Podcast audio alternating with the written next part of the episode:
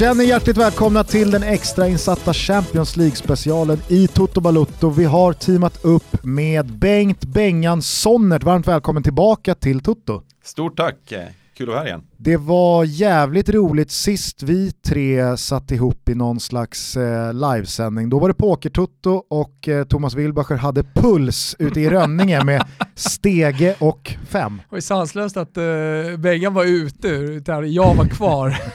Bara en sån sak. Jag hade, jag hade verkligen ingen koll, det var min första pokerturnering som jag spelade. Hur högt eh, håller du Thomas stege med fem i dina pokerminnen? Det var en magisk kväll överlag kommer jag ihåg det som. Och, eh, men jag var imponerad av eh, Thomas. Eh, bra för att vara eh, nybörjare får man väl säga. Steg och fem-grejen är ju också episk, den får man gå in och kolla på. Man, eh, ja, nej, det var, det var en jäkligt kul kväll och eh, överlag Pokertutto, vilken, eh, vilken succé och kul för pokern och allting. Ja, det var otroligt. Jag, det, var, det var nästan lite omskakande när det gick upp för mig att det var fler deltagare, såklart med en helt annan buy-in, men det var fler deltagare i Pokertutto än i Poker-SM. Ja, nej visst. Nej, men det, det var, ja, jag, var jag var chockad och förvånad, men det det var eh, riktigt eh, snyggt jobbat eh, med den biten och jag tror att eh, de flesta tyckte det var jäkligt kul också. Det är det som är grejen. Det var ju, det var ju en period där det inte var så mycket fotboll. Ingen alls, så att det passade ju rätt bra. Det kändes också. som vi blåste liv i folks liv lite under Pokertort. Och jag tänkte med, med Bengan här Gustav, vi har ju ett eh, avsnitt med dig, alltså mm. ett eh, eget Bengt Sonnert-avsnitt som ni gärna får lyssna på och veta lite mer, ni får veta lite mer om Bengt Sonnert. Men eh, kan du köra den korta versionen Gustav? Nej men den korta versionen är väl att eh, Bengan tillsammans med fem, sex andra svenskar gick i bräschen för den pokerboom som tog Ja men eh, livespelandet eh, in på nätet, eh, vi är nog många i min generation som har suttit med både home games och eh, snabbturneringar och eh, ja, men förlorat oss i Texas Hold'em.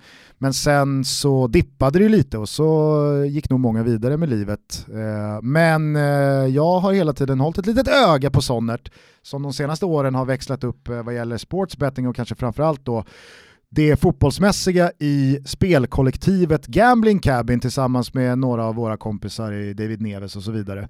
Eh, så att, eh, det är väl det som eh, är kanske inte huvudsysslan inkomstmässigt men där man ser dig mest medialt i alla fall. Mm. Ja men precis, vi kör ju Twitch-sändningar och eh, lite magasin och lite poddar och sådär också. Om spel från eh, ja, eh, nuvarande och före detta spelproffs synpunkt lite så men men försöker ha jäkligt kul tillsammans och eh, ja, vi snackade om det senast, uppmuntra till spel på ett roligt sätt. Men det är ju sådär med fotboll, eh, i och med att jag också delvis är född liksom ur eh, spelvärlden in i mediavärlden också. Att, eh, såhär, ja, du säger prata om spel så tänker folk att det är knastertorrt, men, men eh, när man pratar om spel så, och analyserar så handlar inte det bara om matematik, utan det handlar ju väldigt mycket om de mjuka värdena och matcher man har sett och egna analyser kring matcherna, efter matcherna och så vidare. Och sen eh, så adderar ju, vi pratade om det innan här, spelet adderar ju verkligen en eh, eh, en spänning till matcherna och speciellt det här året eh, eftersom det har varit corona, ingen folk på läktarna och att sitta och kolla på en Osasuna Granada utan att ha spel, ja, men det är lite tuffare den här säsongen än vad det har varit tidigare. Sitter man, ja, eh, sitter man med ett stryktips eller man eh, kanske till och med har en trippel eller ett singelspel på en match så, så, så adderar det verkligen eh, lite puls. Ja. Som är nödvändig, livsnödvändig egentligen. Ja, visst. Ja, men, eh, det där är väl eh, verkligen varför du eh, sitter här i det här avsnittet. För vi tänkte att ja, men det är väl perfekt att ha hit Bengan när det nu är dags för Champions League-omstart. Dels för eh, ditt eh, Champions League-öga rent sportsligt, men kanske framförallt det spelmässiga. Tycker att du är jävligt vettig och sund spelteoretiskt och har många kloka tankar och eh, infall i hur du resonerar där. Så att eh, vår plan med det här avsnittet är att eh, ta tag i Champions League-omstarten i kronologisk ordning, gå igenom åttondel för åttondel, eh, hur vi ser på mötena, hur vi värderar våra tankar och om eh, man landar i något spel så presenterar man det. Helt enkelt det enda man behöver, det blir en guide inför åttondelsfinalen. Exakt, mm. och det många redan vet såklart, det är ju att eh, det är fri lottning av resten av trädet efter åttondelsrundan. Så att det blir lite att kasta pil i mörkret tycker jag, att spekulera allt för mycket. Ja, inte om man i, har min kristallkula. Då är det inget jävla inte. mörker alltså, utan det är glasklart. Men eh, i många fall så är det ju helt omöjligt att sia om utgången sen eftersom eh, ja, lottningen inte skedde än, det finns inga sidor av träd. Det är så många andra parametrar som spelar in så det är väl bara att minnas fjolårssäsongen där en sida av slutspelsträdet blev dödens grupp och så vart det lite, lite lättare. Lite på- Atalanta och Ja lite men på andra sidan. Eh, ska vi börja i den kanske hetaste matchen av dem alla eh, om man pratar om slaget om världens bästa spelare, nämligen Lionel Messi. Barca mot PSG. Eh, det har ju varit starka rykten egentligen hela den här säsongen om att Messi ska lämna och att PSG förmodligen är den mest troliga nya adressen. Eh, det är ett Barcelona som har växlat upp hemma i Spanien eh, under 2021 samtidigt som PSG har eh, tappat Neymar återigen just den här tiden på året. Ja. Det är en månad framåt som det sägs och det, om en månad så är det syrrans eh, födelsedag. Exakt. och så kommer ju då alltid de här eh, tweetsen eh, med 2011, 2012, 2013, 2014. Injured, injured, injured och så vidare. Hur ser du på det här mötet? Nej men det är ju ett eh, superhäftigt möte såklart eh, och eh, väldigt väldigt ovisst vilka som går vidare. Det känns ju på förhand väldigt väldigt jämnt. Neymar borta som sagt i första mötet, kanske även andra mötet då. Som jag läste så kunde han vara tillbaka tills dess men ja vi får väl se. Men Två, tre månader sedan så I- kändes det som att PSG var Precis. ganska klara favoriter, i alla fall i, i mitt huvud. visst. Nu känns det nästan som att den pendeln har svängt. Ja, ehm, det där är ju lätt. Just oddsmässigt så var ju de, så de är mycket högre här, eh, eh, Barca på hemmaplan. Nu står de ju runt två gånger pengarna. Och eh, tidigare, för just för en, två månader sedan så var ju eh, PSG favoriter på bortaplan. Eh, så det är ju otrolig skillnad. Eh, men det är, ju, det är ju saker som har hänt med, eh, med ja men Neymar Skadan är ju en stor faktor men även att Barca ser ju mycket bättre ut nu eh, än vad de har gjort. De har ju börjat klättra i tabellen, de var ju helt borta från ligatiteln. Nu är de, har de ändå en liten, liten eh, De är helt borta. Ja, ja, ja, de ska, det, det blir tufft kanske men eh, eh, ja, de, är inte helt, de är nästan nere på under halvan där ett Ja, tag. men så här, Barcelona i harmoni skulle kunna gå rent från nu in. Alltså lite sådär. Eh, Och, då, och då, då lever ju faktiskt hoppet om en ligatitel. Problemet är ju som vi varit inne på tidigare, att Atletico Madrid är för bra. Ja men det skulle jag nog säga, det är nog, eh, jag, jag, jag kan bli lite nedslagen och, och dyster av att just den här Champions League-våren inte får ha fullsatta läktare på alla matcher. För det känns som att ingångsvärdena för väldigt många av lagen är så maxade för det här Champions League-slutspelet med tanke på hur det ser ut i många ligor. Manchester City, de jagar fortfarande den där Champions League-triumfen, har ännu inte nått en final, men de har nu enligt mig avgjort Premier League så pass mycket att de kan verkligen gå all in. Du har lite samma läge för Atletico Madrid. De har gått så jävla starkt här nu i La Liga att de har ju ingen, de har ingen anledning att prioritera La Liga och, och säkra den titeln och så kanske på bekostnad av Champions League utan de har ju så jävla buffert av poäng att de kan gå all in Champions League. Du har Real Madrid och Barca som måste nästan vinna den här turneringen för att rädda upp hela säsongen. Detsamma gäller Liverpool, de måste nästan vinna den här turneringen. PSG nådde finalen i fjol, drivna av revanschlusta, ska ta den där titeln. Juventus räknar jag lite bort här nu från Serie A-titeln när Inter går som de gör och förlusten senast mot Napoli med Ronaldo i laget att ja, men de ska vinna Champions League. Och så har du Bayern München på det, regerande mästare och klubblagsmästare som vill försvara titeln. Alltså det är så jävla många lag som både kan och vill vinna den här titeln mer än någonting annat. Ja, och sen lite roliga outsiders med Leipzig och så vidare. Så att ja, Nej, den känns så jävla maxad den här Champions League-våren rent sportsligt så det, det, det är synd att eh, det ska vara som det är med eh, pandemin och coronan och förutsättningarna som blir. Men om vi återgår till mötet Barca-PSG, hur värderar du lagen mot varandra? Neymar out, är det den stora skillnaden som kommer eh, vara tungan på vågen här tror du? Ja, jag är väl lite inne på att eh, jag tycker att PSG ändå ska vara lite favoriter och gå vidare här. Eh, jag såg att eh, Verratti troligtvis startar här i, i veckan och eh, det tror jag är väldigt viktigt. Ehm, sen så eh, såg jag att eh, ja, men det, var det var egentligen helt jämna odds för de här lagen att gå vidare. Och eh, jag tycker att till exempel, eh, men Barca står ju två gånger pengarna på hemmaplan. Eh, vilket betyder att eh, oddset, oddsmässigt är ganska lågt på eh, Barca just på hemmaplan. För hemmaplansfördelen är ju inte lika stor nu. Så att vill, det är nästan bättre om man vill ha någon speltanke här att, och gilla Barca så ska man spela om att gå vidare kanske. Eh, istället för att spela att de vinner första mötet. Eh, så jag är väl mer inne på, på det spelet om man gillar Bar Barca i det här dubbelmötet. Eh, och sen kanske spela då, om man gillar PSG så spelar man dem i första mötet mot, eh, mot Barca här. Um, jag, tycker, jag, tycker, jag tror, även om det spelas på Nou Camp så är inte hemmaplansfördelningen likadant. Det har ju sett statistiskt sett den här säsongen att uh, ibland är, är oddsen nästan kvar som att det vore hemmaplansfördel men Eh, det är väldigt, väldigt stor skillnad att, spela med publik. Det har verkligen bevisats i år. Men hur mycket skulle ni säga att eh, Neymars frånvaro kostar oddsmässigt? Eh, alltså hur, hur, hur, hur hade det här mötet stått? Kanske koll på historiken till och med där. Ja, Favoritskapet hade, ju, hade ju legat i alla fall på PSG. Ja, ja, men precis. Det, det, hade ju gått ner. Sen så, ja, det är klart att eh, en Neymar i form är ju, kan, kan göra en otrolig skillnad. Sen så är han inte i 100% form så kan det nästan pendeln svänga över där ibland. Jag, jag är för dålig oddsättare så jag vill inte värdera det i exakta punkter. punkter. Men det jag däremot tror det är att Barcelona, Koman och kanske framförallt Lionel Messi, de känner nog att nu har vi PSG hemma i Barcelona på Camp Nou utan Neymar. Ska vi gå vidare från det här dubbelmötet så är det nu vi trycker till och sätter kniven i dem och trycker på på det öppna såret.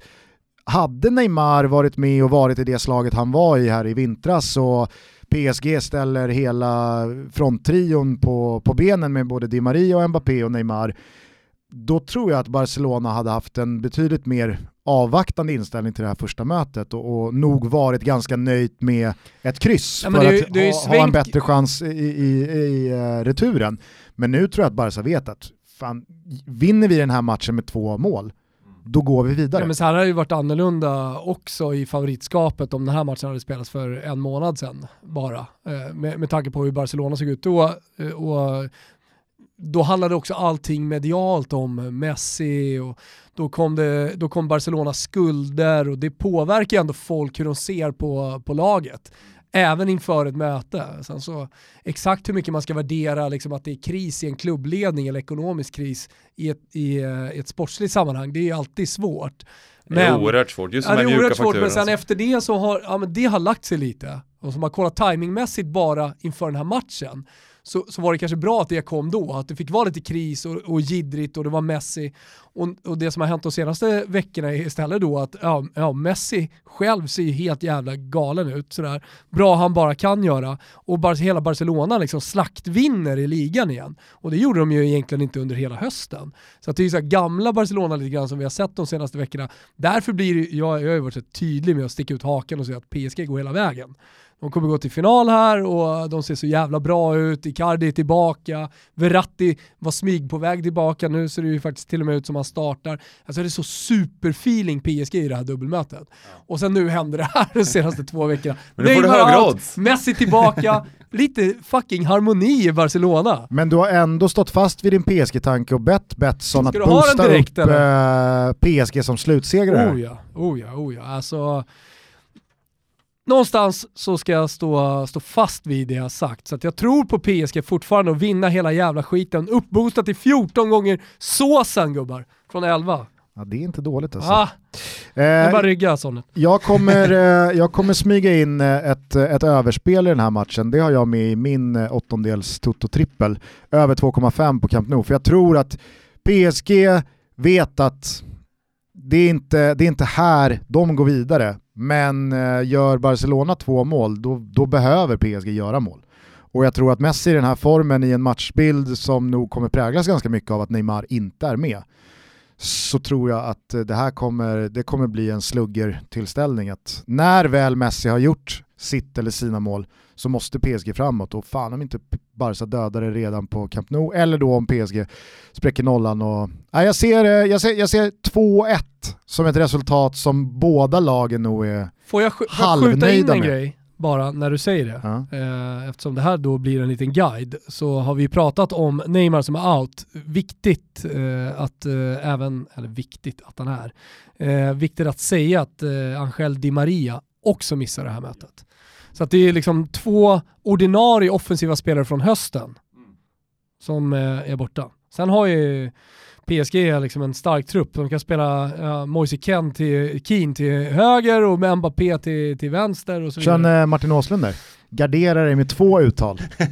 Moise Ken, Keen. Ja, Eller? ja, men det, just det, just det sitter så jävla djupt. Ja, men något som är lite extra intressant när vi snackar om mål och bortamål och sådär, det är ju att eh, jag gissar väl på att eh, bortalagen här är i gruppettorna eh, i varje möte och eh, de kommer ju vilja, nu när det inte, inte är någon publik så är det ju en jäkla fördel att göra lite bortamål. Eh, och när man kanske har lite större chans att göra det. Så att eh, jag är lite inne på att det kan påverka de här mötena, att det blir lite fler mål möjligtvis i, i matcherna. Eh, när bortalagen går för det lite hårdare. Jag menar, vad, när vi har sett tidigare, när det är 50 000 på läktaren och eh, Barca spelar något bortamöte. Det kan sluta 1-1 och sen vinner de med 3-0 hemma. Eh, när de var, även när de var som bäst eh, så, så kunde de ju bara liksom säkra en. Men, men nu är det, tror jag, jag tror det är viktigt att göra de här eh, eh, bortamålen för alla gruppettorna. Jag tror att de kommer gå för det väldigt mycket. Eh, för att hemmaplansfördelen är inte lika stor när de väl kommer tillbaka. De har inte publiken i ryggen på hemmaplan. Så att eh, jag är lite inne på att just bortalagen kommer kanske försöka vinna lite mer och gör, kanske blir lite fler mål också. Alltså någonting som sticker ut, nu är det ju PSG och det är mastodontklubb och eh, de var i, i Champions League-final i somras. Men ändå när man tittar på laget och åker till Barcelona och ska möta Leo Messis Barcelona och ställer upp med Mbappé, Cardi, Moise Kean som egentligen är en utpräglad anfallare. Ute till höger ska han då spela i någon slags eh, eh, Thierry Henry-roll och liksom komma in. Men det, är- det är ruskigt framtungt. Alltså du, eh, om man, alltså de flesta lag, till och med så här, ja, men, ta Juventus eller Atletico Madrid eller sådär, skulle ju ändå kunna liksom eh, falla tillbaka lite. Men du kan ju inte, du kan ju inte falla tillbaka om du har de tre spelarna. Du kan ju inte spela defensivt. Du kan inte bli tillbakatryckt för du vill bara framåt hela tiden. Ja, jag tror som sagt att det här blir en jävla öppen tillställning där det blir mål i, i, i båda burarna. Så att, eh, efter det här snacket känner jag mig trygg med mitt eh, över 2,5 ben i min Toto-trippel. Parallellt med den här matchen så spelas eh, mötet mellan Leipzig och Liverpool i Budapest i Ungern. Uefa har ju tagit beslutet att eh, Liverpool som storbritt storbrittiskt lag eh, inte ska dra med sig eh, några bakterier och mutationer till, till Tyskland. Så att den här matchen får spelas i eh, Ungern. Hur tror du det påverkar eh, förutsättningarna? Eh, men det var ju det var, kom ju ut här också, eller kom ut, men eh, det är väl ganska troligt att de inte spelar andra mötet på Anfield. Precis, där är väl ingenting bestämt än, men det är, Ja, känslan är att det inte kommer bli. Känslan är därför att eh, tyskarna ska behöva isolera sig två veckor innan för att åka in, i, åka in och ut ur England och så vidare. Eh, De är livrädda, tyskarna, för engelsmännen. Eh, Så att ehm, eh, det kan ju påverka också om det är så att de vet om det. Att eh, det blir två, två möten på neutral plan helt enkelt. Eh, Men det är borta och hemmamål. Så att bortalagen här, även här borde ju kunna eh, Eh, att få den fördelen på, på någon slags bortaplan eh, för, för Liverpool så kommer de också vilja vinna den här matchen och göra fler mål. Eh, sen tycker jag överlag att ja, men Liverpool och Klopp Ja, de har varit sämre den här säsongen, men de får lite oförtjänt kritik här på slutet. De har inte varit så dåliga som resultaten har eh, speglat. Men resultaten har ju varit väldigt usla. Ja, och således ja. tycker jag att Ja, de de har har börjat för på lite det rättfärdig som kritik. City åkte på ett tag, alltså spelar ju faktiskt jävligt bra fotboll, men de fick inte resultaten med sig alltid. Mm. Men har man staplat de resultaten som Liverpool har gjort på hög här nu under januari, Jo, jo. februari och det har kostat dem både ligan, det har kostat uttåg i FA-cupen. Jag, Mm. jag, jag, jag tycker inte kritiken och skiten som Liverpool har fått har varit oförtjänt, även fast resultaten har varit lite stolpe ut. Eh, ja, jag kan hålla med dig till viss del och de ska absolut ha kritik för det, men, men det blir alltid så att det blir ö- på kort sikt överdriven kritik eh, när, när just resultaten blir dåliga.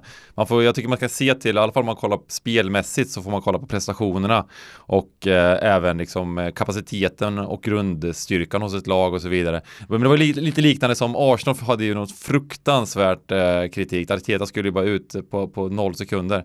Eh, och nu har de ju faktiskt spelat rätt bra fotboll i en, en och en halv månad och eh, börjat klättra i tabellen. Och helt plötsligt så, så, så är han en, ett geni. Lite samma sak med eh, Ole Gunnar i, i United. Han har ju fått kritik i vågor och nu... Nu är det piss igen. Ja, Ja, nu är det skit igen, eller hur? När vi gjorde en dålig match mot eh, West Bromwich här. nu är det bara... Eh, så att det är lätt att gå väldigt kortsiktigt. Jag, jag tyckte att Liverpool gjorde en ganska bra match mot Leicester här senast till exempel.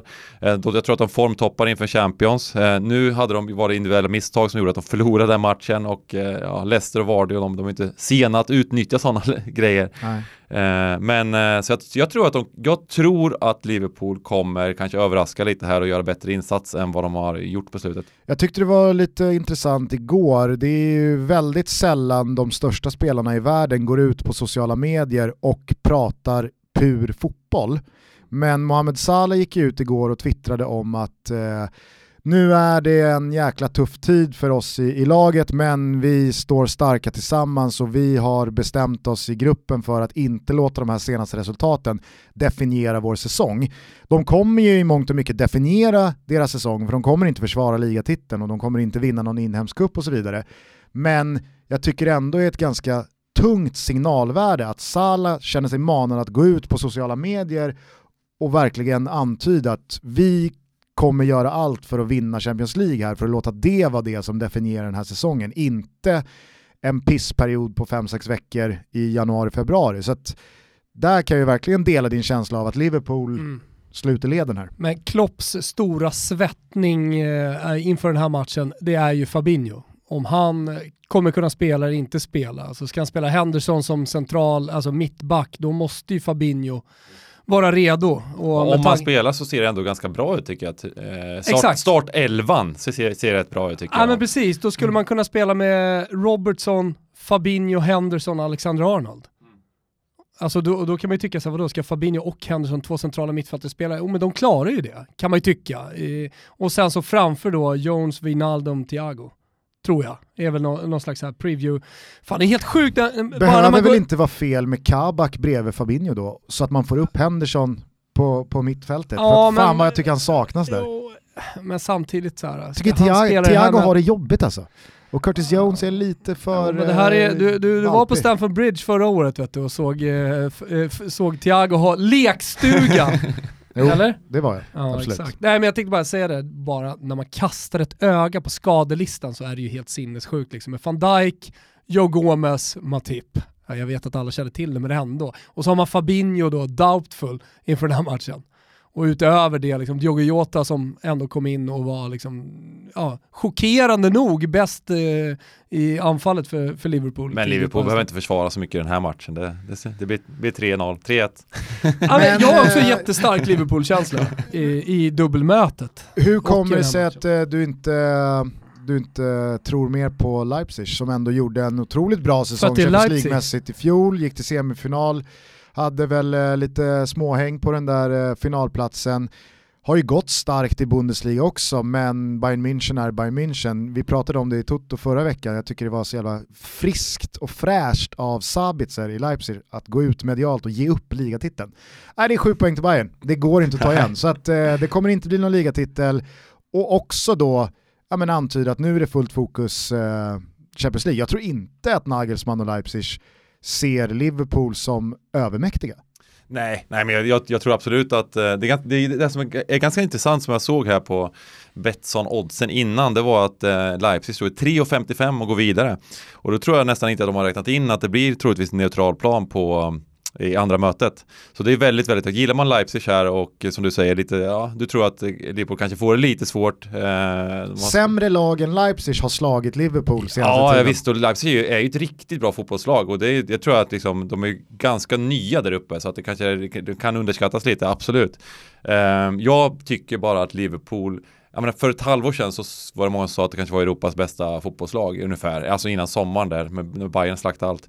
Så var det ju var det på den nivån och eh, helt plötsligt nu så eh, så värderas de ungefär lika högt som, alltså ja, de, de, de är oerhört nedvärderade för, för alla för att de har haft en lite sämre period. Men om man kollar på, på truppen, på spelarna som kommer att starta troligtvis eh, tränaren och så vidare. Det är rätt, det är ju väldigt, väldigt liknande och jag tycker att de börjar trampa igång lite prestationsmässigt i alla fall. Även att, eh, även att eh, de har fått resultaten emot sig så ser det inte så illa ut tycker jag inte. Men tror ni att med tanke på Allisons väldigt sviktande dagsform, eh, skadeproblematiken som finns i mittförsvaret och så vidare, tror ni att Liverpool åker till Ungern med någon slags anfall i bästa försvar?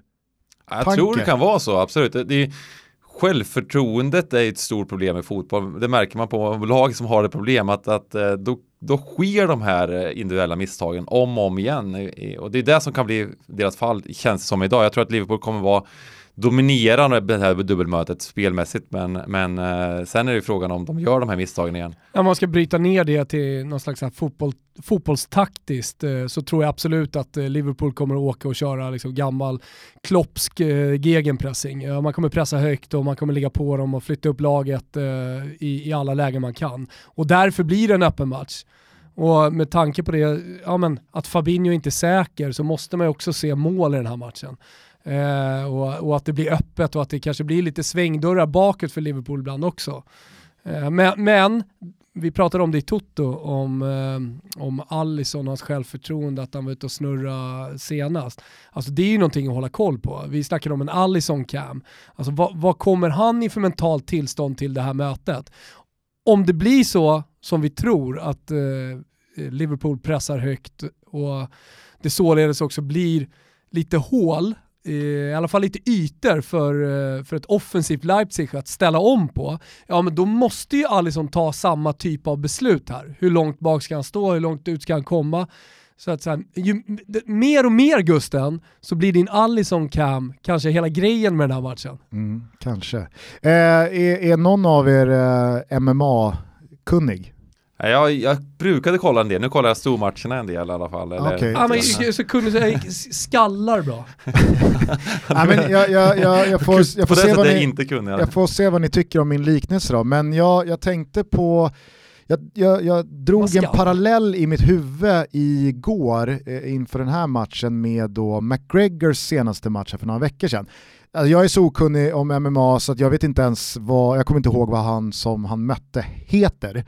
Eh, men jag läste... Hade du spelare Solert?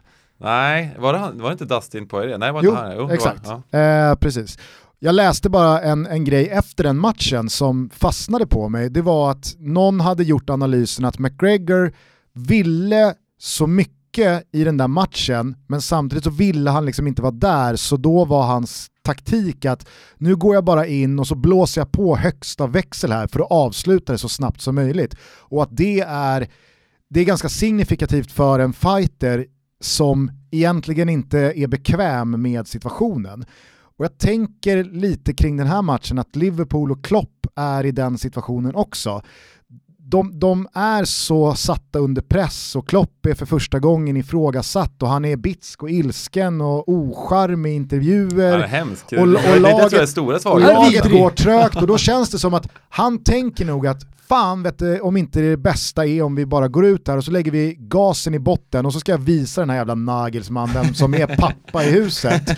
Och det är precis vad Nagelsmann och Leipzig vill. Alltså att det kan bli lite Liverpools fall kan jag tänka mig att de spelar Leipzig i händerna, att de kommer ut och är så jävla uppretade och ilskna och ska stämma i bäcken här och visa vem det är som bestämmer och det är precis det Leipzig bara vill ha, att ställa om med, med Ja, jag, jag tror att man ska vara rädd eh, om man är Liverpool-supporter för att det ska bli vilda västern första 10-15 minuterna och där, där, där då Liverpool går ut med den där inställningen och sen så är det ytor bakom backlinjen. För lite har det ju svängt så med McGregor också, precis som det har gjort med Liverpool, att folk vill se dem falla nu. Alltså det fanns ju en tid när alla, upplevde jag i alla fall som, hejade på McGregor och det var, han, var, han var kaxig på väg upp och att det var, det var till slut omöjligt att inte gilla honom. Men som för alla så det svänger det där. Och så Alla till- älskade ju Klopp också för två år sedan. Exakt, och nu är det som att alla vill se honom falla. Ja. Sen är det ju väldigt mycket man vill se de svenska Liverpool-supporterna falla. Det är det det handlar om. Ja, jag vet inte, det var, bara en, det var bara en eh, analogi som jag kände eventuellt var adekvat. Men ni verkar båda övertygade om att det här slutar med Liverpool-avancemang. Ja, ava- avancemang, eh, det är absolut, men det tror jag på. Men eh, jag, jag menar bara att eh, oddset här är väldigt högt på, att bet, eh, förlåt, på Betsson att eh, Leipzig går vidare tycker jag. I, I och med att det blir två neutrala plansmöten. Men däremot så tycker jag oddset är för högt på Liverpool att vinna den här matchen. Och jag gillar, jag gillar överlag i Liverpool det här dubbelmötet. Så att, men eh, det kan man ju ha olika åsikter om som du säger. Och då tycker jag, tror jag att, liksom att det bästa spelet om man gillar Leipzig är att spela dem och gå vidare till 3.55. Eh, men men jag, jag hade ju med i min Toto-trippel här, mitt första spel, Liverpool att vinna mot, mot Leipzig i Budapest, neutral plan.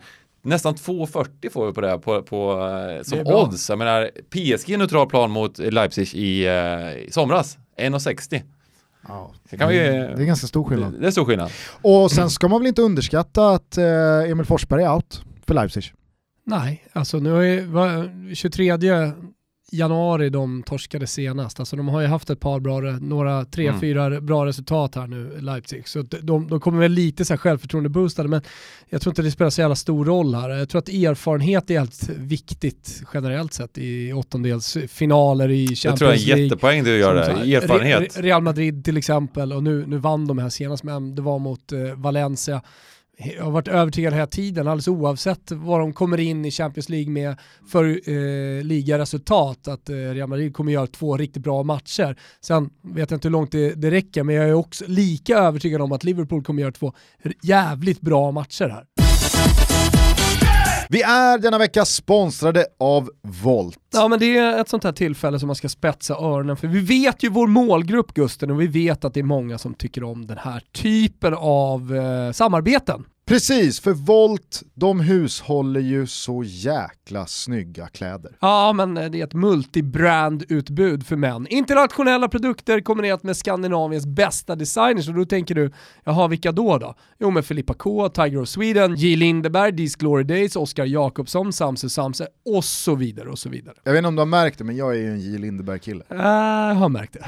Mm. eh, på Volt så kan du köpa hela din garderob, allt från overshirts, skjortor, kostymer, tröjor, byxor och givetvis skor här. Nu är vi ju snart en eh, säsongövergång mm. från vinter till vår och då är i alla fall jag en skokille. Det som är bra det är att Volt finns i 40 butiker runt om i Sverige. Från Malmö i söder till eh, Umeå i norr, till exempel fem butiker i Stockholm, fyra i Göteborg och så vidare. Och varför är det här så bra samarbete då för vår, eh, låt säga målgrupp Gusten? Varför är det så bra? Jo, för att man får just nu 20% rabatt på ett helt köp när man uppger rabattkoden TOTO20. Mm. Du nämner 40 butiker från Malmö i söder till Umeå i norr. För alla så finns ju dessutom voltfashion.com öppet dygnet runt. Mm, gå in på voltfashion.com se så kommer ni in och glöm då inte att sprida koden TOTO20, det är nu eller aldrig, det är ett perfekt tillfälle för att uppdatera sin garderob. Och jag vet, jag vet, det sitter några lyssnare där ute och skruvar på sig. Hur stavas det då? Man har kanske skolkat från engelska lektionerna i, i, i plugget. Volt stavas precis som det låter, V-O-L-T, fashion stavas F A-S-H-I-O-N. Jajamän. Voltfashion.com, rabattkod TOTO20, 20% rabatt på ett helt köp. Vi säger stort tack till Volt för att ni är med och möjliggör Toto Balutto. Stort tack. Vi eh, vänder blad i kalendern då och tar oss till eh, onsdagen. Ska vi börja på eh, Estadio Ramon Sanchez Pizjuan där Sevilla tar sig an Dortmund då. Det är ju Två vitt skilda formkurvor här. Sevilla staplar segrar på hög. Jag tror att de har sju raka hållna nollor. Eh, förvisso och Campos skadad här eh, sedan någon vecka tillbaka efter den där brutala tacklingen han åkte på. Där han enligt uppgift från båren ska ha skrikit när han lyftes ut. Du har förstört mitt ben. Du har förstört mitt ben.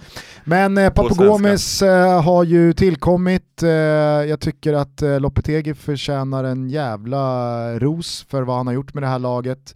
Eh, man flyger ju fram och på andra sidan står ett Dortmund som efter tränarskiftet här när man gjorde sig av med Lucien Favre och gav interimspaden till Terzic inte har hittat rätt överhuvudtaget. Jag tycker att det är ett lag som inte sitter ihop på något sätt.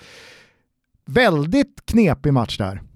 Ja, den här är supersvår att sia om hur den ska sluta. Det, det jag är inne på, vi, vi har snackat om det tidigare, det är att jag tror att eh, när, när Dortmund spelar nu så blir det ju målchanser åt alla håll till höger och vänster och matcherna slutar fyra lika och eh, de är ju oerhört kul att se på. Sen Håland, han, han sprutar väl in eh, ett mål per snitt i Champions League så att eh, eh, jag tror att det fortsätter. Även om, även om det är Sevilla kan spela lite mer kontrollerad fotboll så, så hjälper inte det. Jag tror, jag tror att Sevilla kommer vara tvungna att, eh, att liksom, ja, möta det här med, med att också försöka göra mål liksom. Fight fire with fire. ja, men lite så. Det, det, är lite som när Leeds spelar i Premier League. Det, det, det, det spelar ingen roll vilka de möter, det slutar ändå med att det blir liksom 5-6 mål för att eh, ja, det, det, blir så pass öppet.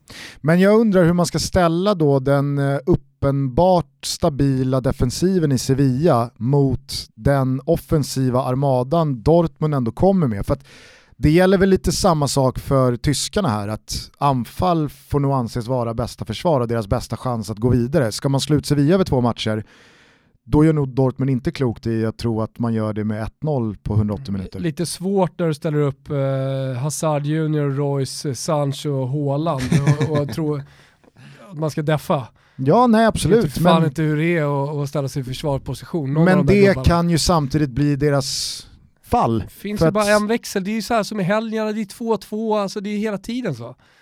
Det finns ju bara ett sätt för, för uh, Dortmund att spela fotboll på. Så kollar man på det Sevilla som de möter, med Nesiri, Pape Gomes, uh, han kom igång eller? Ja, ja, ja. Får man ändå säga. Soso, så liksom Rakitic som ska skicka fram bollar bakom. Alltså, jävla möte det här. Men håller du Sevilla som favoriter?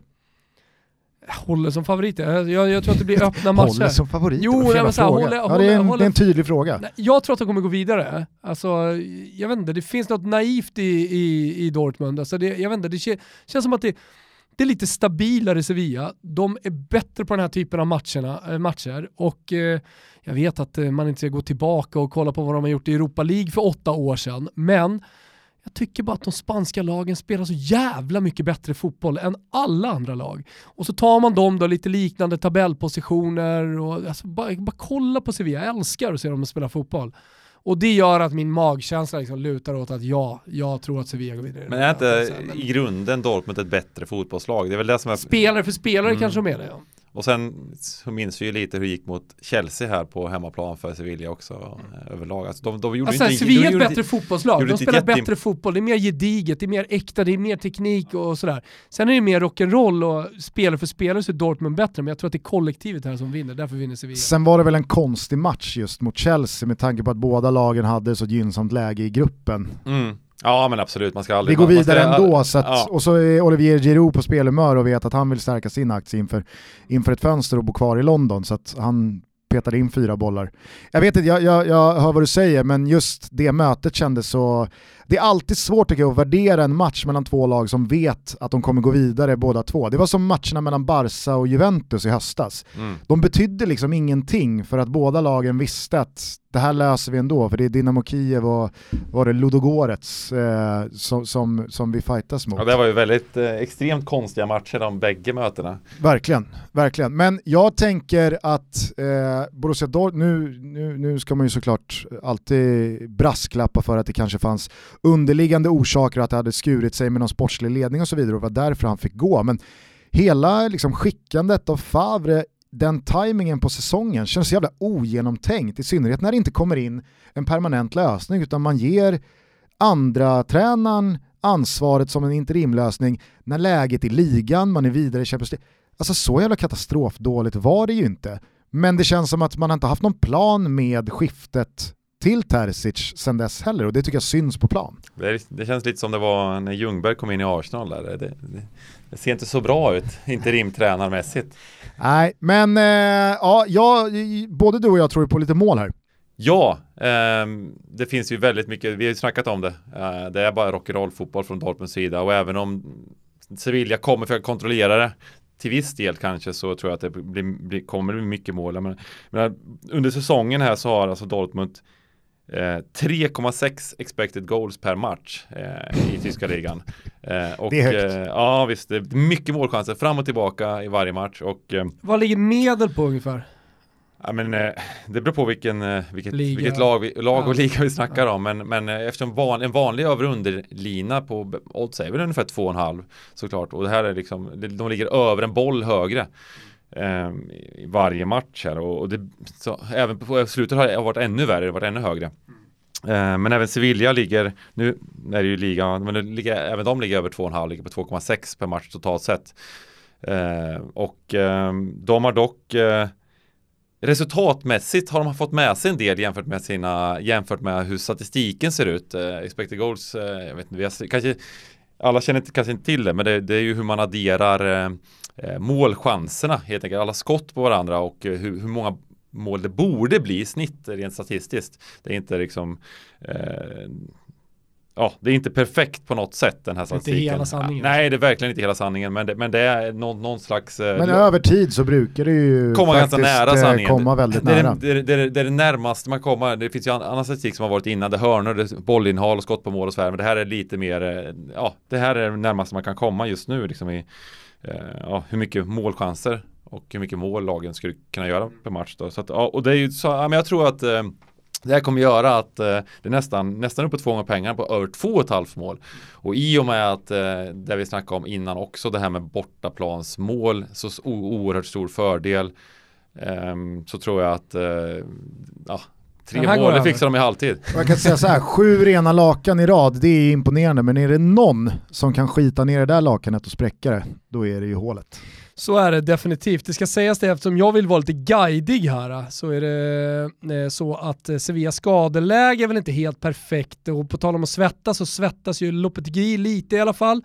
Jesus Navas, Marcus Acuna, Lucas Ocampos och Oscar Rodriguez är alla doubtful inför matchen. Ja, Ocampos är väl Alltså hans ben är förstört. ja just det, det var ju förstört. Ja, så mm. jag tror inte Ocampos kommer till spel. Nej men det kanske inte spelar så stor roll heller, jag vet inte, hur värderar du de här skadorna? Alltså, Ocampos, I och med att Papagamos spelar, äh, Papagamos, Papagamos, Papagomes. Ja. Nej men eh, alltså Ocampos saknas ju eh, oavsett vem som kommer in, men eh, med Papagomes in så, så ska man nog kunna klara sig ganska bra. Eh, tror du på Sevilla också Gusten? Eller vad? Alltså jag, jag, jag tror på mål här. Eh, jag, jag, vågar inte, jag vågar inte välja väg här i avancemang utan jag spänner fast mig för vad jag tror kommer bli ett jävla roligt dubbelmöte. Eh, men jag är helt inne på din linje. Jag har dock valt eh, spelet båda lagen gör mål i eh, min Toto-trippel här till, till veckan. Så att, eh, 1-1 eh, köper jag mig en liten extra out på. Det känns eh. som att det kan vara avgjort åt ett håll den här, men vilket håll vet vi inte. Men det kan, också, det, kan också, det kan också komma till Tyskland med 3-3. Ja, ja visst. Värderar ni Bürki att han inte är med att man spelar med hits istället på något sätt? Nej. Nej.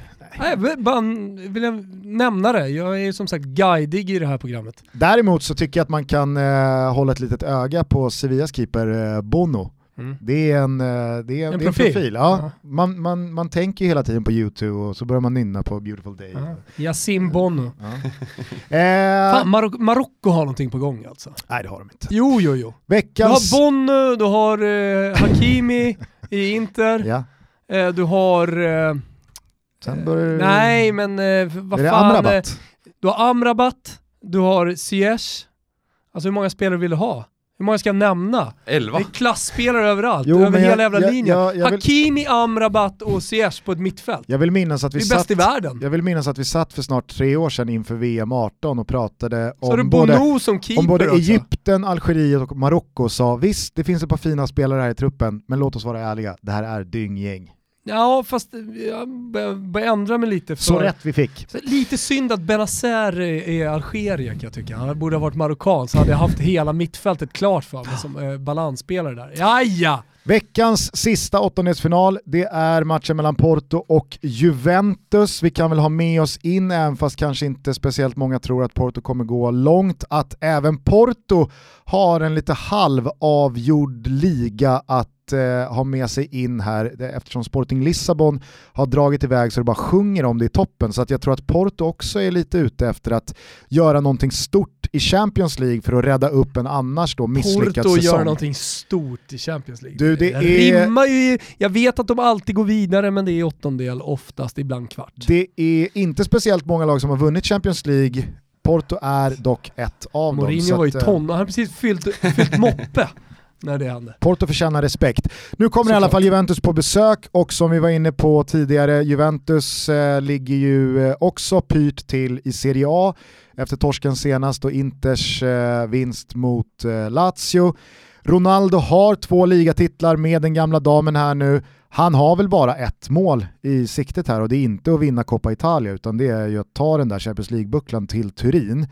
Eh, hur ser du på Han brukar ju vara rätt bra i, i slutspelet. Det ska väl bara kunna sluta på ett sätt här?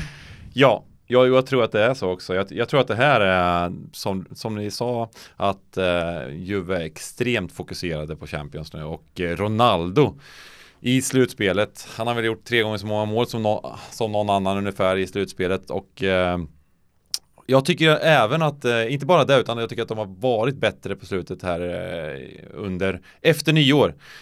Nu gjorde väl en ganska katastrofal höst Juve men eh, formtoppat i Champions League möjligtvis. Eh, Ronaldo vill vinna. Mycket, för mycket cred och hyllningskören är liksom stor, i, inte bara i Italien. Mm. Mot eh, Pirlo, bara för det förlorade de ju mot Napoli i helgen. Men eh, det ser ju såklart eh, betydligt bättre ut. Men var, den förlusten var väl inte helt rättvis heller i Nej. den matchen. Så att det är väl, eh, ja men det, jag tycker det ser bättre ut och framförallt så Porto tycker inte jag kanske är på all samma nivå som de har varit de här säsongerna vi snackar om innan. De har gjort eh, väldigt många bra Champions League-säsonger. De har ju alltid fått in nytt blod och hittat eh, på något sätt att gå vidare och eh, även hotat i toppen. Men nu är, Ska väl också sägas att de alltid har fått märkligt enkla grupper. Ja, och även denna gången. De är gången. ju A-sidare så att de har väl gjort sig förtjänt av det någon gång och eftersom de går vidare varje år mm. så håller de ju liv i den där A-sidningen. Men det är, det, det är sällan Porto lägger en stor elefant på rygg. Mm. Nej, nu hade de väl eh, de här grekerna, Olympiakos och ett Marseille i total kris i gruppen och eh, hade väl inte jätteenkelt att gå vidare härifrån heller så att eh, insatsmässigt gjorde de inte mycket bra. Alltså, det var ju väldigt, väldigt dålig fotboll i den gruppen jämförelsevis med de andra grupperna och jag tycker att eh, i gruppen också, här är lite rolig statistik just på expected goals. De hade alltså 1,7... i snitt per match hade de 1,7 mot 0,5 expected, eh, förlåt, i, i riktiga mål. Så de gjorde 1,7 mål per match, släppte in 0,5. Men de hade alltså expected goals hade de 1,3 mot 1,3 tre. Så de hade liksom spelat jämnt totalt. Eh, så de, de hade ju satt alla målchanser de fick i princip för att vinna de här matcherna och gå vidare. Och marginalerna med sig defensivt. Och marginalerna med sig defensivt och då hade de kanske den sämsta gruppen. Så jag tror att Juventus eh, vandrar hem det här. Så det är mitt, min andra, mitt andra spel i Tutto-trippen. Får jag då lägga in ett spel här eftersom vi ändå pratar om Juventus. Eh, Eh, Eh, det är ju många av de här, liksom Messi, de bra lagen och stora spelarna som möter tufft motstånd redan i åttondelsfinalen. Det känns lite mer ovisst. Här möter Juventus och Porto som man borde, enligt Bengt Sonnert, jogga förbi bara. Och så är det dessutom då Cristiano Ronaldos eh, turnering. Fyra mål står han på, Morata står på sex, men han gör ju mål i båda de här mötena. Han eh, kan till och med göra flera mål. Jag ser också, nu kollar jag inte så mycket på portugisisk fotboll, men Sanusi Otavio out från eh, Porto. Och eh, där svettas eh, Concio Sau som är eh, coach för Porto. Ja. Det tror jag sannoliken. Galna Men Sergio Conceição. Du som eh, brukar se på dubbelmöten med i synnerhet lag som Juventus inblandade, du har väl ändå flaggat för att det kan mycket väl vara ett, ett kryss som inte är helt fel för Juventus i första mötet för att sen Ja, men det är därför det ska göra, bli så göra processen kort eh, hemma i Turin. Ja men det, det är lite italienskt och eh, Juventus har ju varit väldigt italienska under eh, 10-talet. Dels med Antonio Conte och sen så med eh, Max Allegri. Och så kanske man tyckte då att eh, de skulle bli lite mer offensiva, det skulle hända någonting med Juventus när Maurizio Sarri kom in. Men de var fortfarande ganska italienska liksom i sitt sätt att tänka. Därför blir det intressant att se hur hur går Andrea Pirlos Juventus ut i det här mötet mot Porto? Därför finns det ju liksom en 1-1 här i mitt bakhuvud som Juventus är jävligt nöjda med. Vi pratar om förutsättningar, eh, hur man mentalt ställer in sig på matchen, vad man har för matchplan i Dortmund, Sevilla, hur tänker de, hur tänker Barca? Sonnert är inne på att PSG kommer säkert gå för att få många mål på bortaplan. Det kanske är så att Pirlo också tänker så, men jag flaggar för att det kan finnas en 1-1 ja. här som Juventus åker hem till Turin med och bara ja, rycker på axlarna. energisparar i ett eh, tufft läge på säsongen där alla matcher är viktiga. Man har precis spelat eh, Coppa Italia hela vägen fram till eh, finalen. Eh, så att det var ett liksom tufft spelschema för, för, för Juve här. Jag vill att man ska med sig det i alla fall inför det här mötet. Däremot så är jag helt övertygad om att, eh, att eh, Cristiano Ronaldo över dubbelmötet kommer bomba in ett par, tre kassar. jag menar, eh, sen är du, har du en poäng i att tränare är ju inte alltid helt spelteoretiskt smarta. Utan jag har ju erbjudit mina tjänster till, till, alla, till alla lag här på både så här så gör ju många fasta situationer har jag sagt. Det är ju katastrof hur det går till eh, med eh, hur effektiva lagen skulle, skulle kunna vara. Eh, men även, Vad är spaningen? Har du någon tanke där? Nej, men jag tycker bara, jag brukar, jag brukar ju anmärka på just sådana här hoppstraffar och sådana här så vidare, och så vidare. Det finns ju jättemycket statistik på att de där missar man ju hela tiden liksom. Men, och även frisparkar och så vidare. Har du skissat på någon hörna? Ja, nej, men jag, jag har en helt upplägg kvar. Det är bara att höra av dig. Jag tar den här, ja, jag tar 1500, 1500 spänn i timmen på faktura. och Fantomen så, tillsammans ja. med en tjänst. Vilken jävla premiumtjänst det skulle vara. Ja. Oh, Son, Sonnert, Fantomen och Hasse Backe tar ett allsvenskt lag och vinner SM-guld. Ja, det är Champions League-semi. Ren, ren, ja men det tror jag det skulle funka bra. Och sen, men Fasta just, just, experten Bengt Sonnert. Men just även det här med dubbelmöten är ju också hur man ska jobba för att gå vidare. Det är ju någonting också som, som eh, Eh, det finns många situationer, även sista omgångarna i, i ligor och så vidare, hur man ska spela på resultat och så vidare, som lagen alltid gör ju helt fel liksom. Men eh, och även här, att så är det väl, det är väl spelteoretiskt korrekt för för Pirlo att gå ut och vinna den här matchen bara och gå för det utan publik på Dragao, då bara in och kötta och vinn med 3-0 liksom. Mm. Eh, det spelar ingen roll, gör mål och för att eftersom det hemmaplansfördelningen kommer inte vara lika stor. Det känner de till egentligen. Men, men det är möjligt att det sitter så mycket i ryggmärgen att nu, ja, men nu åker vi till Portugal. Nu får vi ta det lite lugnt här om, vi, om det står 1-1 med, med liksom en halvtimme kvar.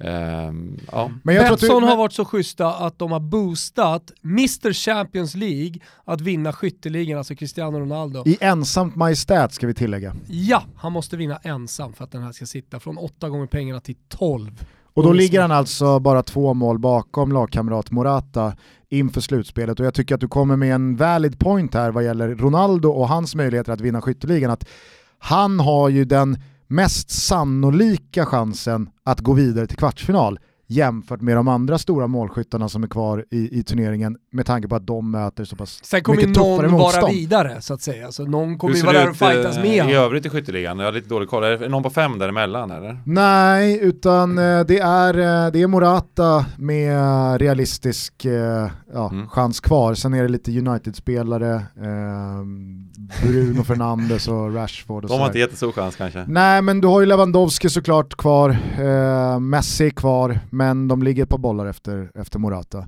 Eh, jag skulle dock bara vilja plocka upp tråden där du eh, slutade med att Juventus nog gör bäst i att gå ut och göra mål, för det tror jag verkligen de, de tänker också. Och när det sker, jag vet inte, jag, jag, ser liksom inte Juventus inte vinna den här matchen om de gör mål, för jag ser inte Porto göra mål. De ser så fruktansvärt bra ut bakåt för tillfället, eh, Juventus. Så, äh, jag, jag, jag, är på, jag är på ditt spår här, att jag tror att Juventus eh, bara vinner. Eh, du har rak seger i din Toto-trippel.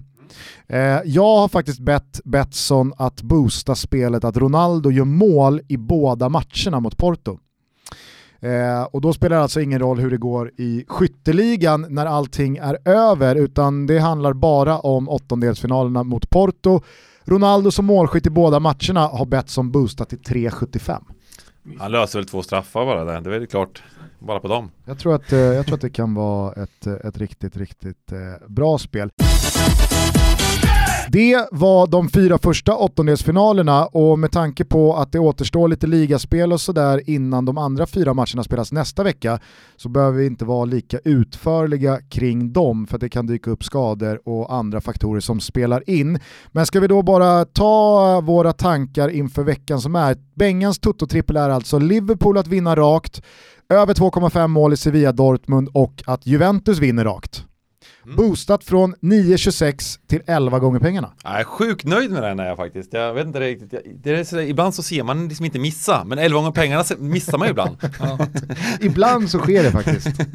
Nej men jag tycker den, eh, den trippen eh, kommer jag inte sitta utan. Nej, Nej, det är, ni är lite oroliga för Liverpool där, men uh, ja, jag känner att den känns, känns fin också. Mm. Jag har med mig in i veckan då att eh, det blir över 2,5 mål i eh, Barcelona-PSG. Jag tror att båda lagen gör mål på eh, Estadio Ramon Sánchez Pizjuan eh, i matchen mellan Sevilla och Dortmund. Och sen så tror jag faktiskt att Atletico Madrid vinner hemmamötet mot Chelsea nästa vecka, för att eh, vi kan väl ta oss in eh, i nästa vecka då via den matchen. Har inte Chelsea med Tuchel svävat iväg lite efter hans intåg? Det är inga supergäng de har mött och då vet jag att de har mött Tottenham. Jag kvarstår dock vid mitt omdöme. Dock det här med, det här med hemmamöte, den spelas i Rumänien, i Bukarest. Ja, men eh, det, är, eh, det är inte Stamford Bridge, Nej. och London i alla fall. Eh, fan, för ett, ett lag som Atletico Madrid så är det som alla planer är neutral plan för dem. det, är så ja, det känns som att de har en eh, mental styrka vad det gäller typ mjuka värden som väder, vind och var fan man spelar fotboll. Sen så är det klart att Calderon back in the days gav dem titlar också. Det är, alla lag påverkas, men de påverkar, påverkas minst. Ja, jag tycker att den här säsongens upplaga av Atletico Madrid, det känns som att de kan gå ut på gläntans IP och tänka att det spelar ingen roll. Här är det vi som bestämmer ändå. Ja, men de är hårdhudade, höll jag på att säga. Tjockhudade och hårdnackade och pannbenen är som berg. Nu har ju eh, Tuchels Chelsea Newcastle ikväll och ingen skugga ska ju falla över Tuchels inledning här i Chelsea. Han har ju gjort det fantastiskt bra och resultaten har kommit därefter. Men håller du med mig när jag säger att de kanske har fått lite väl mycket praise och hyllningar sett till vad de faktiskt har mött för motstånd. Det är inte inte Burnley, Newcastle och Tottenham de springer in i nu.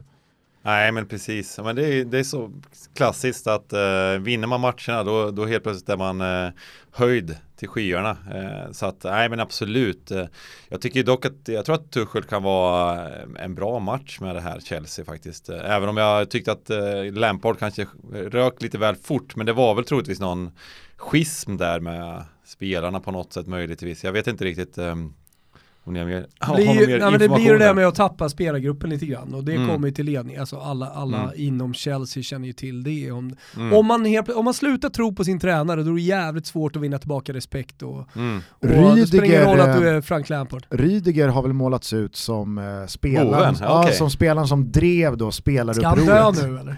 Ah, jag tror nog att han kommer få det hett om öronen när publiken kommer tillbaka till Stamford Bridge. Ja. För att uh, man, man, man förråder inte Frank Lampard bara sådär. Nej, nej, hemliga möten i källaren med spelargruppen och så vidare. Det känns ju Ja det känns illa men eh, nej, jag tyckte, det tyckte jag var också lite konstigt att han, att han fick gå så fort. Det är väl överlag så har man ju märkt att tränare som får vara kvar och få lite chansen. Nu har vi både Arteta och Ole Gunnar liksom, som, de kunde ju rykt för länge sedan egentligen. Liksom. De har ju verkligen ja, vänt på skutorna bägge två så att eh, jag trodde ju Förtjänat ledningens tålamod lite grann. Ja men det, det, är väl det klassiska att det finns inget tålamod längre i, i den här världsfotbollen men eh, det har belönat sig när lag har haft det.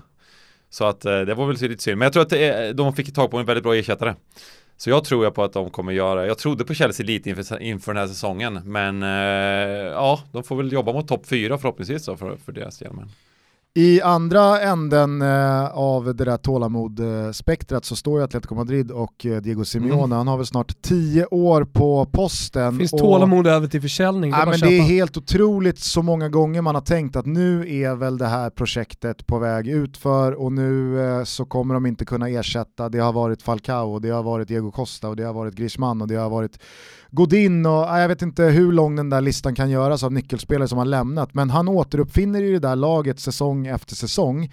Och jag tycker faktiskt att det Atletico Madrid som springer runt just nu med Luis Suarez och med Joao Felix och med Marcos Llorente och med äh, men, eh, den defensiven man stoltserar med, med inte minst Jan Oblak längst bak så jävla tungt lag det här. Alltså jag... Det ser allt mer hjärndött hur Barcelona släppte Luis Suarez. Alltså ja. Man blir ju mer och mer teammässig i, i hela soppan kring Barcelona. Ja. Jag, jag, jag, tror, eh, jag tror att eh, Chelsea absolut över 180 minuter kan eh, bjuda upp till lite dans. Men jag ser inte Atletico Madrid bomma här. Var spelas returen?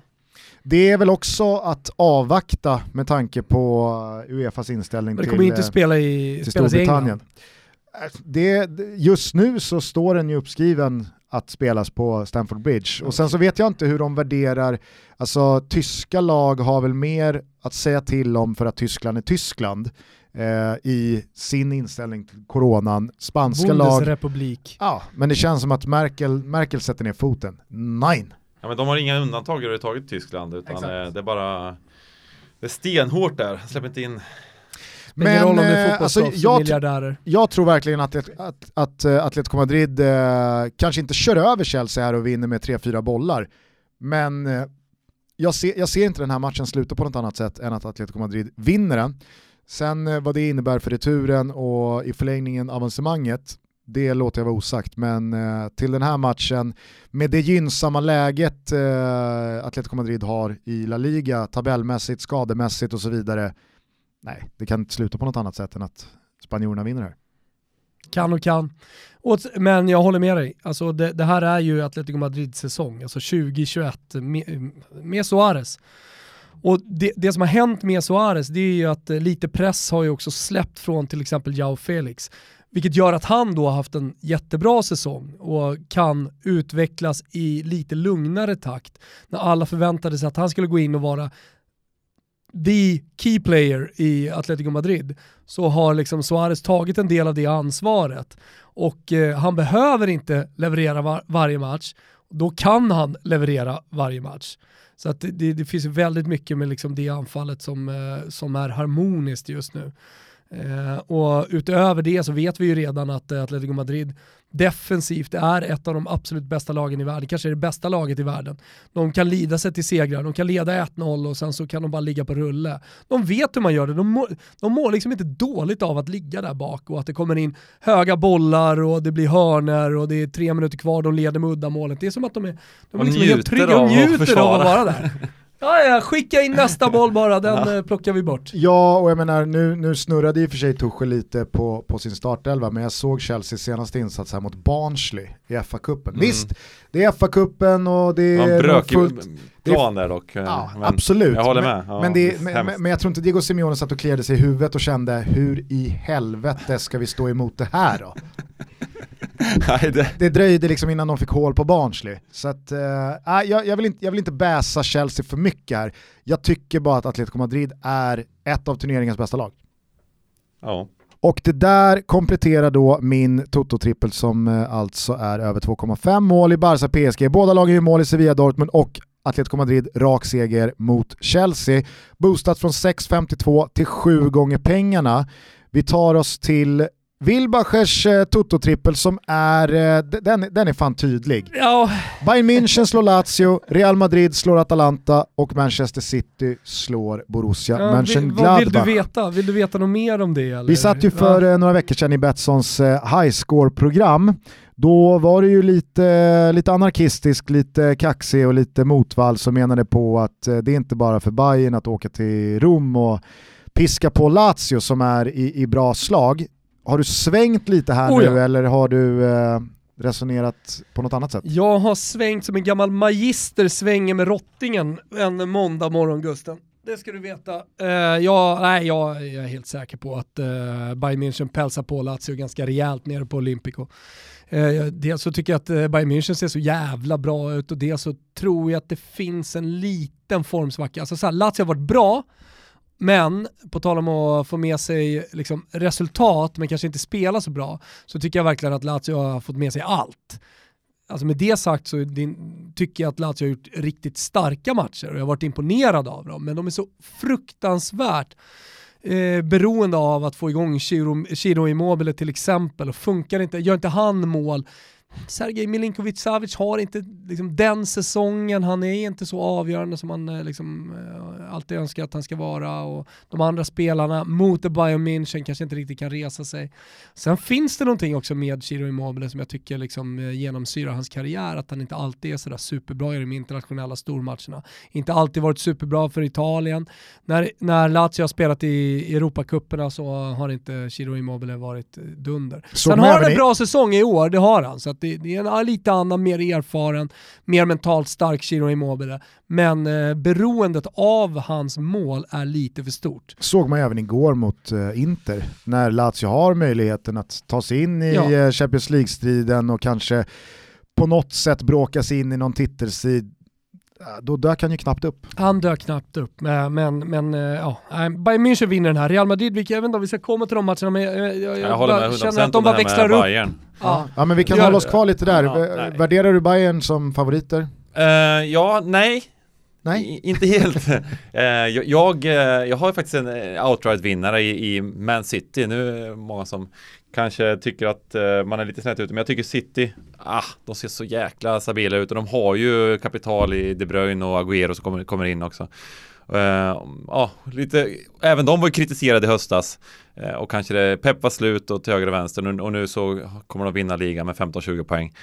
Så uh, ja, när det är klart så kommer de kunna segla upp här. Det och jag tror att det är absolut Bayern som är största hotet. Men jag gillar 4,50 här på Betsson hittar jag på, på vinna. Eh, det tror jag finns, finns goda chanser. De har ju en mm. ganska enkel eh, åttondel vinna också. Hela, hela Champions League. Ja, vinna hela. Sen är det svårt med lottningen och så vidare. Man kan, det kan vara jättetuff lottning senare. Men, men just nu i de, i de här, efter de här åttondelarna så tror jag på, på City. Men jag tror jag... även att 1,60 var det ju på Bayern borta här mot Lazio. Det tror jag är bara hämta. Mm. jag måste säga att det som imponerar det mest på mig uh, kring Bayern är ju deras, ja men inte nyfunna men i alla fall utvecklade bredd.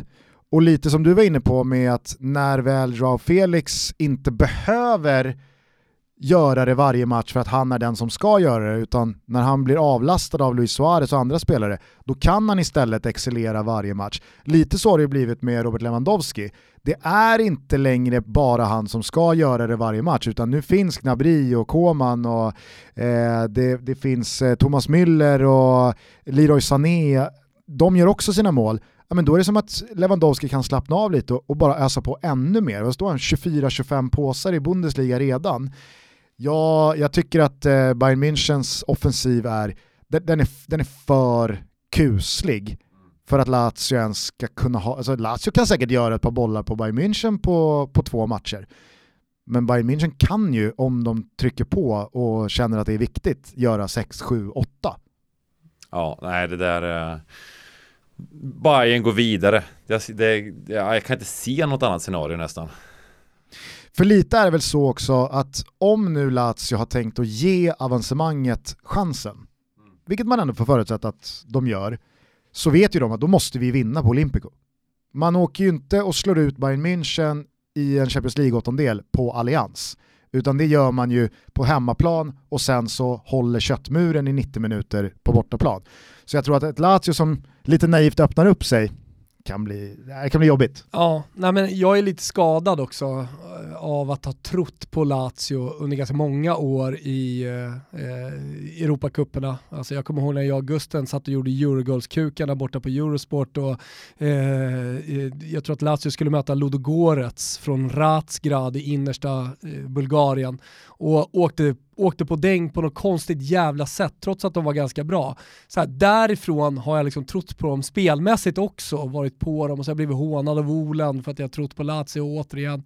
Så, här, så att, eh, jag, jag, är, jag är lite skadad så nu väljer jag bara att gå rätt emot dem i alla mina spel här.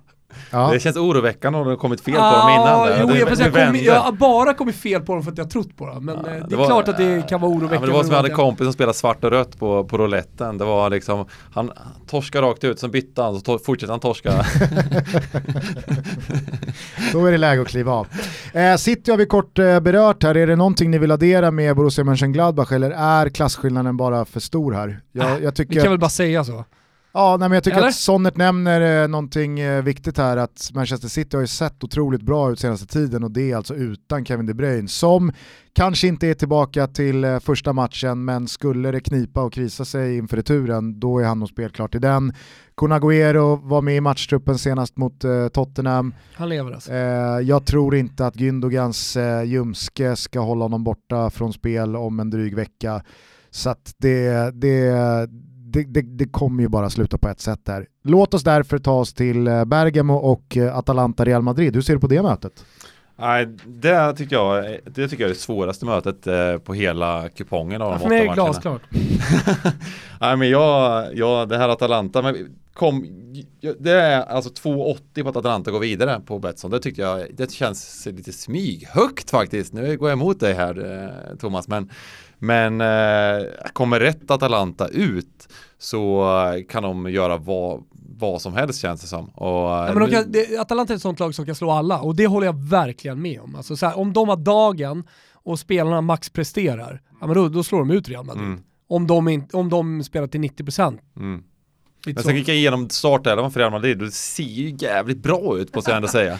så att, eh, det, ja, Real Madrid, eh, nej, det kan nog, eh, ja, det, det är en jäkla häftig match. Men, eh, jag, så jag har egentligen ingen, eh, ingen rent sån här, eh, lite småsugen på det här lite höga odds på att just Atalanta går vidare. För, lite för att jag, jag gillar Atalanta också. Och är det någonting som verkligen eh, har stuckit ut eh, på ett negativt sätt för Real Madrid den här säsongen så är det ju att man på hemmaplan, alltså inte Bernabeu utan deras eh, träningsanläggningsarena, eh, det är väl, eh, vad heter den, Stadio Alfredo Di Stefano va, eh, har ja, men torskat eh, inte bara en och två gånger utan upprepade gånger mot ganska beskedligt motstånd. Så att det finns ju inte den där omöjliga Bernabeu-skräcken för Atalanta heller.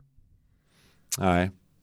Nej, nej, men absolut. Eh, Jag är så osäker på liksom det här med eh, Ja, jag tycker den är jättesvår. Jag, alltså, jag tycker den här är otroligt Men svår alltså den det här matchen. svåra är att man är rädd för att Atalanta ska gå ut och maxprestera. Och om de gör det så vet man att eh, Real Madrid kan åka på det i, i den här matchen. Men det är bara det att jag, jag, jag, vill, jag vill verkligen luta mig mot Champions League-erfarenhet och att de stora klubbarna alltid växlar upp i, inför åttondelsfinalerna. Och sen så att Atalanta är lite av ett poplag, trots att så här, jättebra, jag tycker att de är, även i de stora matcherna har visat att de faktiskt kan rå på eh, de bästa klubbarna. Men eh, Real Madrid, åttondels Champions League, åka till Bergamo, nej det här vinner man. Så, samtidigt så ska man... magkänsla jag Jo, har, jag- det jag- kanske låter som att analysen är tunn, men eh, magkänslan är stark ändå. Ja, jag tycker dock att det kan vara värt att påminna att eh, Real Madrid de senaste två säsongerna i Champions League har brakat ut ganska tidigt ur turneringen mot Ajax, där man klappar igenom fullständigt hemma på just Bernabéu och i fjol så ryker man utan snack mot Manchester City också i åttondelsfinalen. Oh. Så att, City också. Sen är Ra- Ramos, Ja, Valverde, du Valverde. Hazard och Rodrigo borta va? ja. Och, Så att eh, lite. Hazard har väl varit mer eller mindre out sedan han kom. eh, jag, tycker, jag tycker inte att Rodrigo heller är något jättebortfall. Däremot eh, Fede Valverde, men framförallt och Sergio Ramos, det är ju ett supertungt tapp. Eh, Militao är kanske den sämsta värvningen Real Madrid har gjort eh, under min livstid. Eh, jag tycker att Varann har varit rejält svajig eh, mest hela tiden den här säsongen. Så att, ja, jag, jag, jag, är med Sonnert här, jag, jag, jag tycker att det här känns eh, öppet och knepigt, men jag gillar samtidigt när Thomas bara vet att Real Madrid tar på sig eh, finkostymen här och visar vart skåpet ska stå mot eh, provinsgänget Atalanta. Gosens och ligan liksom, kom igen. Ja, nej, jag gillar det. Jag, det jag, jag hade faktiskt en snabb tanke där, det var att jag tror att även där kan bli lite mål. Det var Mm. eh, lockande när Atalanta spelade överlag, eh, men även att det var, det var hyfsade odds här, över 3,5. 2,37 hittade jag. Eh, lät lite är nog sma, inte helt smy, dumt. smygsmarrigt. Eh, där. Och så upprepar vi då att Thomas trippel är eh, rak seger för Bayern München, rak seger för Real Madrid och rak seger för Manchester City. Den är boostad från 5,75 till 6,25. Och på tal bara om mål, vi har bett våra vänner på Betsson plocka fram odds på den eh, totala målkvoten i eh, följande tre dubbelmöten. Sevilla-Dortmund, Lazio-Bayern och Leipzig-Liverpool. Alltså i alla de sex matcherna, hemma borta, så har vi Fyra linor totalt. fyra linjer totalt. Över 16,5, över 17,5, över 18,5 och över 19,5 mål. Får alla räkna själva liksom. Det är totalt eh, sex matcher. Precis. Eh, Så är men, det eh, tre mål i varje match, så är det 18 mål. Exakt. Mm. Ja, jag kommer Något nog... eh, möte kommer ju smälla satan här. Sevilla. Dortmund löser väl en 12-13 själva. Exakt.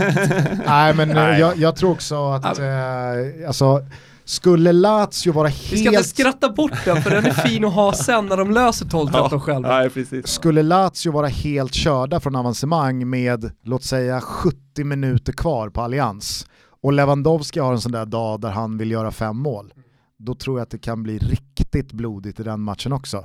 Så att jag kommer nog testa de eh, två översta linorna där och ja, jobba 20 mål. 19,5 alltså jobba 20 mål i de, mm. de tre dubbelmötena. Det är roligt spel att sitta och smygjobba sig igenom de här åttondelsfinalerna ju.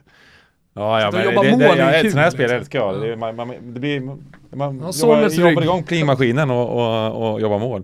Ja, men apropå det här med Betsson High Score förresten, jag var ju med där och då kollade jag på ert avsnitt innan jag var med i, Premier League och då, jag vågar nästan inte komma dit för det var, det var som facit där senast så att eh, jag kände även här när jag kom hit att det är kanske ingen idé, jag kanske inte ska säga någonting liksom. Det var, det var alla rätt och, och eh, det var målskyttar och resultatspel och allting bara satt rakt in. Bara in. Bara vi, har gjort, liksom. vi har gjort bra insatser i, i eh, High Score. Jag satt ju där med Dennis Kjellin för en dryg månad sedan. Ja. Inför Citys sex ganska tacksamma matcher mm. och sa City kommer ta sex raka segrar här, de kommer pegga upp för matchboll mot Liverpool den 6-7 februari och då ha chansen att vinna ligan, haka av Liverpool och bara avgöra. Ja. Den var snygg. Den räknar jag in eh, och slår mig själv på axeln för. Men du får inte glömma att vara med i resultattipset. Eh, vi kör CL-tutto här nu. Snyggt. Eh, så att gå in alla som... Man tippar alla resultat i, i Champions League. Gå in alla som vill vara med på resultattipset.se. Det är gratis att vara med, det är fina priser i yes. potten och så är det alltså spelstopp eh, imorgon eh, vid första avsparken. Eh, Innan vi avslutar, kan man få skicka ett önskemål till Sonnert? Ja. Kan man inte få vara med någon gång när ni har cabin? Kanske något italienskt som ska rekas eller någonting. Kan man inte få göra ett gästspel? Du har en stående inbjudan kan jag säga. Det är bara komma när du vill. Eller om du vill ha någon pokerlektion eller sådär. Ja, men det, det, det, gick, det, gick, det, gick, det, gick, det gick ju bra senast, jag kan behöva dig där på kontoret igen. Det, var, jag fick ju, det avslutades faktiskt med att jag vann nästan två miljoner där på kvällen. Det är så jävla, det är så jävla astronomisk summa att slängas med. Det, jag, jag vann två miljoner där, just det. Just det. Ja, men det vore kul om eh, Wilbur José blir Gambling Cabins lilla maskot. Ja, men det är gärna. Som Sonnet ringer in när han behöver liksom, Lucky Charm. Eh, nu har vi bara pratat eh, objektiva speltankar och så vidare, men eh, klappa hjärtat för någonting här nu när Champions League eh, kommer igång igen. Vill du eh, att något lag ska gå längre än något annat? Över, överlag så uh jag har inte så mycket, man håller på med spel så mycket som man gör. Så det där hjärtat försvinner lite, man är, man är död inombords. Det är egentligen Queens Park Rangers som, som, som jag gillar i... Du jobbar någon femårsplan där va? Mot ja, Champions League. femårsplan mot Champions League i Queens Park Rangers. Uh, nej, det, det är det och sen det svenska landslaget i fotboll. Men i övrigt så Nej. Älskar att det, liksom, det, det är så okreddigt det bara kan bli, att man säger svenska landslaget i fotboll är, men vi alla känner ju samma sak. Ja, alla som lyssnar på den här podden, oavsett om man är liksom ultra i det laget eller inte, älskar ju att se svenska landslaget spela fotboll och, och, och nå framgångar. Eh, så, och det här jag, landslaget som är nu är ju lite extra, ja. extra kul också på något sätt. Eh, ja. Men så ingen extra tumme hålls för något lag här nu inför omstarten? Ah, jag vet inte vad jag ska, ska Du vill bara se Liverpool falla? Nej, tvärtom. Jag vill se att de ska vinna nu. De får, de får falla i kvartsfinalen. Ja, de får falla i kvartsfinalen. eh, nej, men det, det, och jag säger återigen, jag tycker att eh, den här eh, Champions League-våren ur ett rent sportsligt perspektiv ser mer intressant ut än på länge för att det finns så jävla många potentiella vinnare som är nästan all in på att de behöver vinna mm. turneringen. Mm. Att eh, det känns som att varenda möte i såväl åttondelar som kvartsfinaler till semifinaler kommer bli, han kommer bli eh, episkt rolig att följa. Mm. Ja, nej, det här blir, eh, ja men sett fram emot det här länge. Det, det, här uppehållet på två månader, det är ju, det är lite smygjobbigt tycker jag. Och Champions är ju absolut min favorit. Eh, det är så hög kvalitet på fotbollen och ja, det, alla lag är all in i varje match. Det är så viktigt. I ligan så är det ju, då tar man ju matcher. Ja, men nu är vi borta mot den här, nu, vi, de spelar av matchen och, i, i 30 minuter. Här är det bara all in, det är full fart, det är 90 minuter och det, Det, är det, det gillas skarpt. Sen är det ju någon slags startskott tycker jag också på vårsäsongen. När Champions League kommer igång så har man ofta gått igenom den här transportsträckan som är efter jul och alla lagen har positionerat sig inför en bottenstrid, inför en toppstrid, inför Champions League. Man vet vilka som kommer göra upp om det. Eh, I vissa ligor är det mer eller mindre avgjort, Atletico Madrid, eh, City, Bayern München och så vidare. Men eh, så, så kommer då Champions League och det som du säger, dels smäller det högt, dels är det fyrverkerier, det är roliga matcher, det är de stora lagen. Men där kommer också smygandes lilla fina svenska kuppen och man är bara snart någon månad bort, en månad bort till att eh, allsvenskan ska börja. Och så är det EM-år också. Nu känner ni ju liksom hur pulsen stiger, hur pitten blir hård. Det är ju underbart eller hur? Ja, verkligen, ja. verkligen. Ja, det kommer en grym vår tror jag, eller? Ja, det får man fan hoppas efter året vi Djurgården, haft Brage i Svenska cupen bara där liksom. Ja, verkligen. Som, är ni ser, som ni ser på Simor. Brage! Ja. Hörni, eh, ni vet att alla de här eh, spelen som vi har pratat om i det här avsnittet finns på Betsson under godbitar och boostade odds. Ni vet också att ni behöver vara 18 år fyllda för att rygga dem. Och upplever ni att eh, ni själva eller någon i er närhet har problem med spel så finns stödlinjen.se öppen dygnet runt. Jag tänkte avsluta med en liten nugget till eh, Queens Park Rangers-supporten Bengt Sonnert.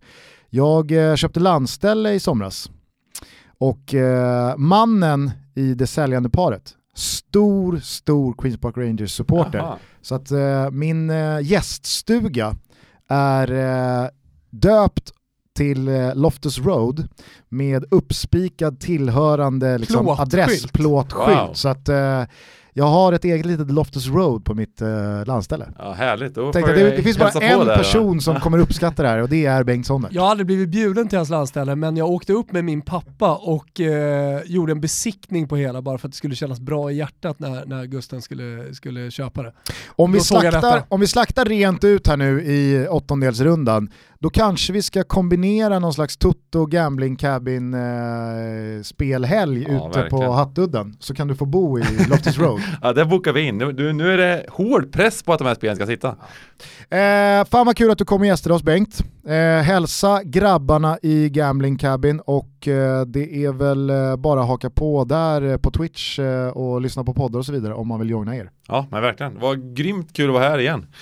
Stort tack för att jag fick komma. Ja men vi ska tacka, jag bara säga det, alltså Twitch, det laddar man ner som app, eller hur? Ja, app eller på webben då. Eller på webben och sen söker man på The Gambling Cabin, twitch.tv slash The Gambling Cabin är Det är ingen adressen. jävla engelsk uh, twitchare som har försökt att liksom sno in sig på det, för det är ett bra namn. Ja, eller hur? Det, det, det, det var du som kom på det. Så att, uh... jag, jag, jag försökte få igenom det senast. Men jag tror att uh, alltså, spelstuga är väl, det är väl väldigt svenskt begrepp.